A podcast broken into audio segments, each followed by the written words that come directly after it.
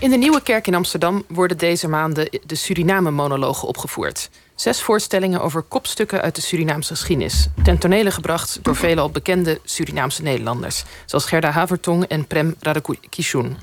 In het stuk dat morgen te zien is staan drie vooraanstaande, inmiddels overleden Surinaamse politici centraal. Ze kijken vanuit de hemel op Suriname neer en ze hebben zo hun gedachten. Ja, en aan tafel hebben we zitten regisseur John Leerdam en acteur, in dit geval voor deze voorstelling acteur, en misschien doe je het wel vaker, Roy Risti.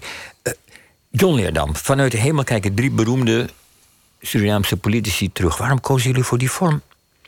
Waarom vanuit de hemel? Dat is uh, een goede vraag. Um, maar ik vond het ook wel een spannende vraag. Omdat het eigenlijk zoiets... Uh, de hemel wordt altijd gezien als iets uh, heel positiefs. Rein. En je gaat naar de hemel. Ja, wordt niet gekankerd. dan ben je, hè? Ja, wordt niet gekankerd in de hemel. Oh, dat weet je niet. Misschien zitten ze daar wel te do, uh, domino te spelen. Of ja. worden ze wel heel erg verleid door allerlei mensen om allerlei dingen te doen. Dus ik vond het wel een mooie gedachte. En Sheila ziet al zien, die heeft het, uh, de opdracht aangenomen. Die heeft een stuk geschreven. Die heeft ja, een stuk geschreven, heel mooi geschreven vind ik zelf. En ze heeft getracht er iets mee te doen... waardoor wij eigenlijk... Um, want het heeft natuurlijk nooit plaatsgevonden... maar die fantasie is natuurlijk iets van deze tijd ook wel.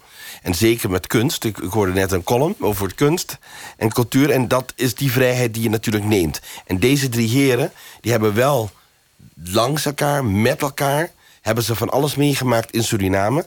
En de gedachtegoed dat zij nu, dat zij overleden zijn... en terugkijken op Suriname... van wat hebben zij er zelf van gemaakt...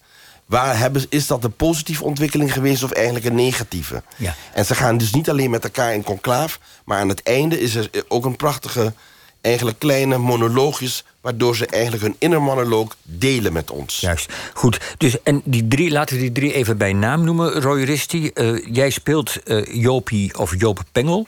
Kun je ons even opfrissen wie die drie weer eens zijn... om te beginnen bij Jopie Pengel? Ja, Jopie Pengel was uh, voor mij een man. Ik heb hem overigens uh, meegemaakt. Uh, die zich manifesteerde als nationaal leider en vader des vaderlands. En dat was heel erg belangrijk. Omdat heel veel mensen tegen hem opkeken. En in Suriname toch zijn stempel heeft weten te drukken... als het gaat om de emancipatie van een heleboel mensen. de verschillende bevolkingsgroepen met name in Suriname. Dat hij dat wist te verenigen en had een verbroedering voor. En, en, dat was voor de onafhankelijkheid, voor de duidelijkheid. Hè? Dat was voor de onafhankelijkheid. Ja. Die... We praten over de jaren zestig. Ja, en die andere twee, Aaron en Lachmon? Nou, uh, Latsman die is al eerder uh, actief geweest in de politiek, zou je kunnen zeggen. Als uh, jurist, advocaat, prakticijn, zoals dat genoemd werd in Suriname. was hij al actief, naar mij weten, in de jaren 50 reeds. Pengel die wilde heel graag ook jurist worden. En heeft een tijd dus bij Latsman zeg maar, op schoot gezeten... als het gaat om de juridische achtergrond en zich dat eigen te maken. En... Um, Aaron is de man die kort voor de onafhankelijkheid, dus in de jaren 70, Pengel als de leider van de Nationale Partij Suriname opvolgde. En die net zoals Pengel, want daar bestaan er misverstanden over. Pengel die had ook wel ideeën over een onafhankelijkheid, weliswaar op een andere manier dan Aaron, die hem opvolgde en eigenlijk tot de nieuwe generatie behoorde van de mensen die bij de Volkspartij en PS aangesloten waren. En die heeft uh, verder daarop doorgepakt. Maar mogen we het om het even heel simpel ik vat het even heel simpel samen. Misschien te simpel, dan moeten jullie me maar even corrigeren. Pengel was voor een langzame weg en onafhankelijkheid. Aaron wilde het wat versnellen, als het ware. Die heeft het ook met Den uil in orde gemaakt. En uh, Lachman, Lachman was eigenlijk vooral een vertegenwoordiger... ook van de Hindoestaanse Surinamers. Heb, dat heb ik, mag ik het zo kort samenvatten? Ja, ik denk dat je dat zo zeker. samenvat. En, en uh, waar hebben ze het dan daarover in die hemel, John? Komen ze er een beetje uit, want ze kijken terug op Suriname na de onafhankelijkheid vooral. Ja. Zijn ze een beetje tevreden? Nou, ze zijn niet tevreden, nee. Nou, waarom ze niet? Verwijten, ze verwijten elkaar natuurlijk alle drie... eigenlijk op hun eigen manier... Um, dat ze het eigenlijk niet goed hebben gedaan. En, um, en daar staat op een gegeven moment... Uh, is het ook een soort van een conflict... maar tegelijkertijd bewieroken ze elkaar via een zijlijn. Je ziet dat Latchmon eigenlijk iedereen eigenlijk de vriend wil houden. En dan moet je je indenken dat het gespeeld wordt door Primera de Gizoen. Ja, lijkt dus, me. dat, dat gaat vast goed. dus dat is, dat is nog een hilariteit op het toneel. Kan ik Ja. je vertellen, ook om ze te regisseren. Maar wel heel uitdagend. Er zit ook hele mooie muziek verwoven door de voorstelling heen. Maar dan zie je ook dat Pengel het de hele tijd wil... hij wil zichzelf ook de hele tijd bewieroken. En dat komt op een gegeven moment ook een beetje in conflict. Want Aaron vindt dat hij de sterkste is... en de lef heeft gehad om die eh, onafhankelijkheid voor elkaar te brengen. En die... Dat gunnen ze hem eigenlijk niet helemaal. Dus da- en dat steekt hem. En dan wordt hij helemaal razend eigenlijk op een gegeven moment in de voorstelling. En maar op een gegeven moment moeten ze toch met elkaar verder. Want als ze daar eerlijk naar elkaar kijken...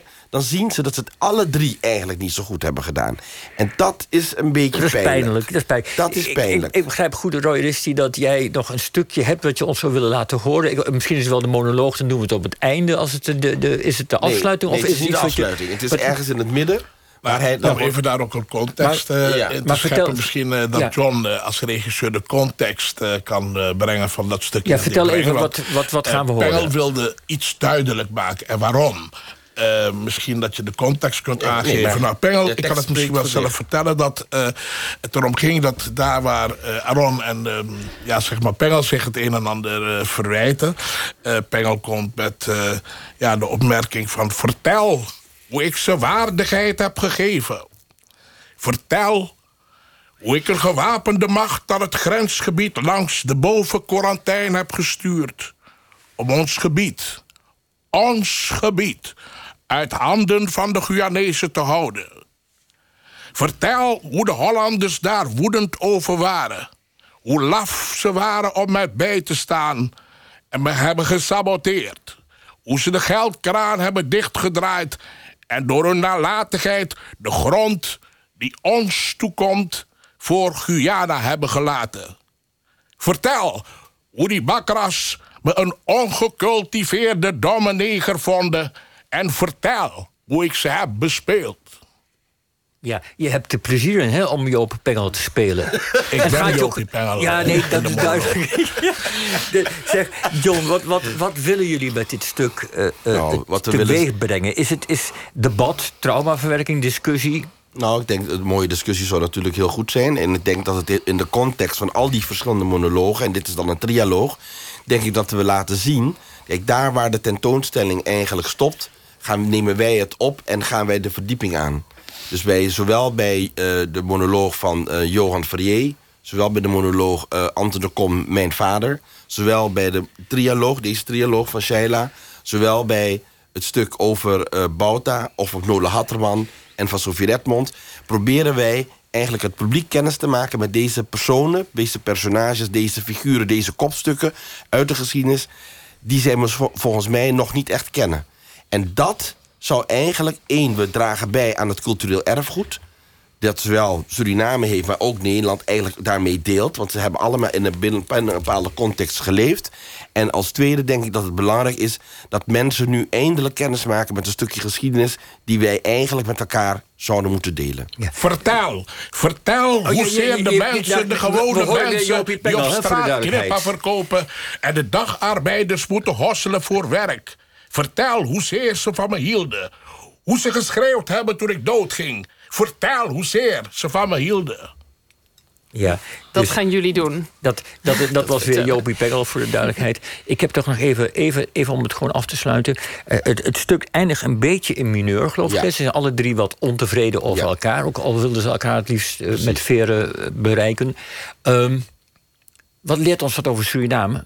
Is er nog hoop voor Suriname? Vraag ik aan deze twee Ja, heren tegenover me. Ja, je zou hoop moeten hebben.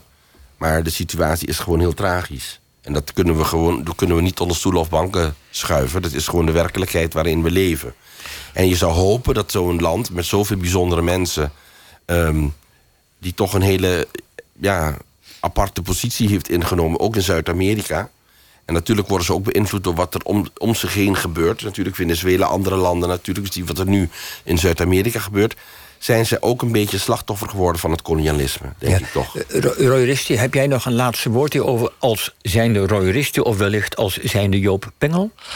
Als beide, Jij mag kiezen. ik denk dat ik de laatste zou moeten zijn om geen hoop te hebben. Als ik Pengel volg, die vanuit de hemel gaat praten op 25 en 26 november in de Nieuwe Kerk in Amsterdam. Wanneer hij ons herinnert aan één ding: dat onafhankelijkheid, zelfstandigheid belangrijk is. Maar dat je daar op een rustige, pragmatische manier aan moet werken. En ons herinnert aan zijn legendarische woorden: Wees gerust, alles komt terecht. Ik vind het een prachtige afsluiting. Jullie, je hebt al gezegd wanneer jullie te zien zijn. John, nog even morgenavond, geloof ik. Hè? Morgenavond en overmorgen. Maar ik zou zeggen, kom zeker ook kijken naar de andere monologen. 2 en 3 december en uh, 19, 20 december en 14 en 15 januari. Goed. Hey, dank voor jullie komst en toelichting ook. En Joppie Pengel vooral ook bedankt. Geen dank.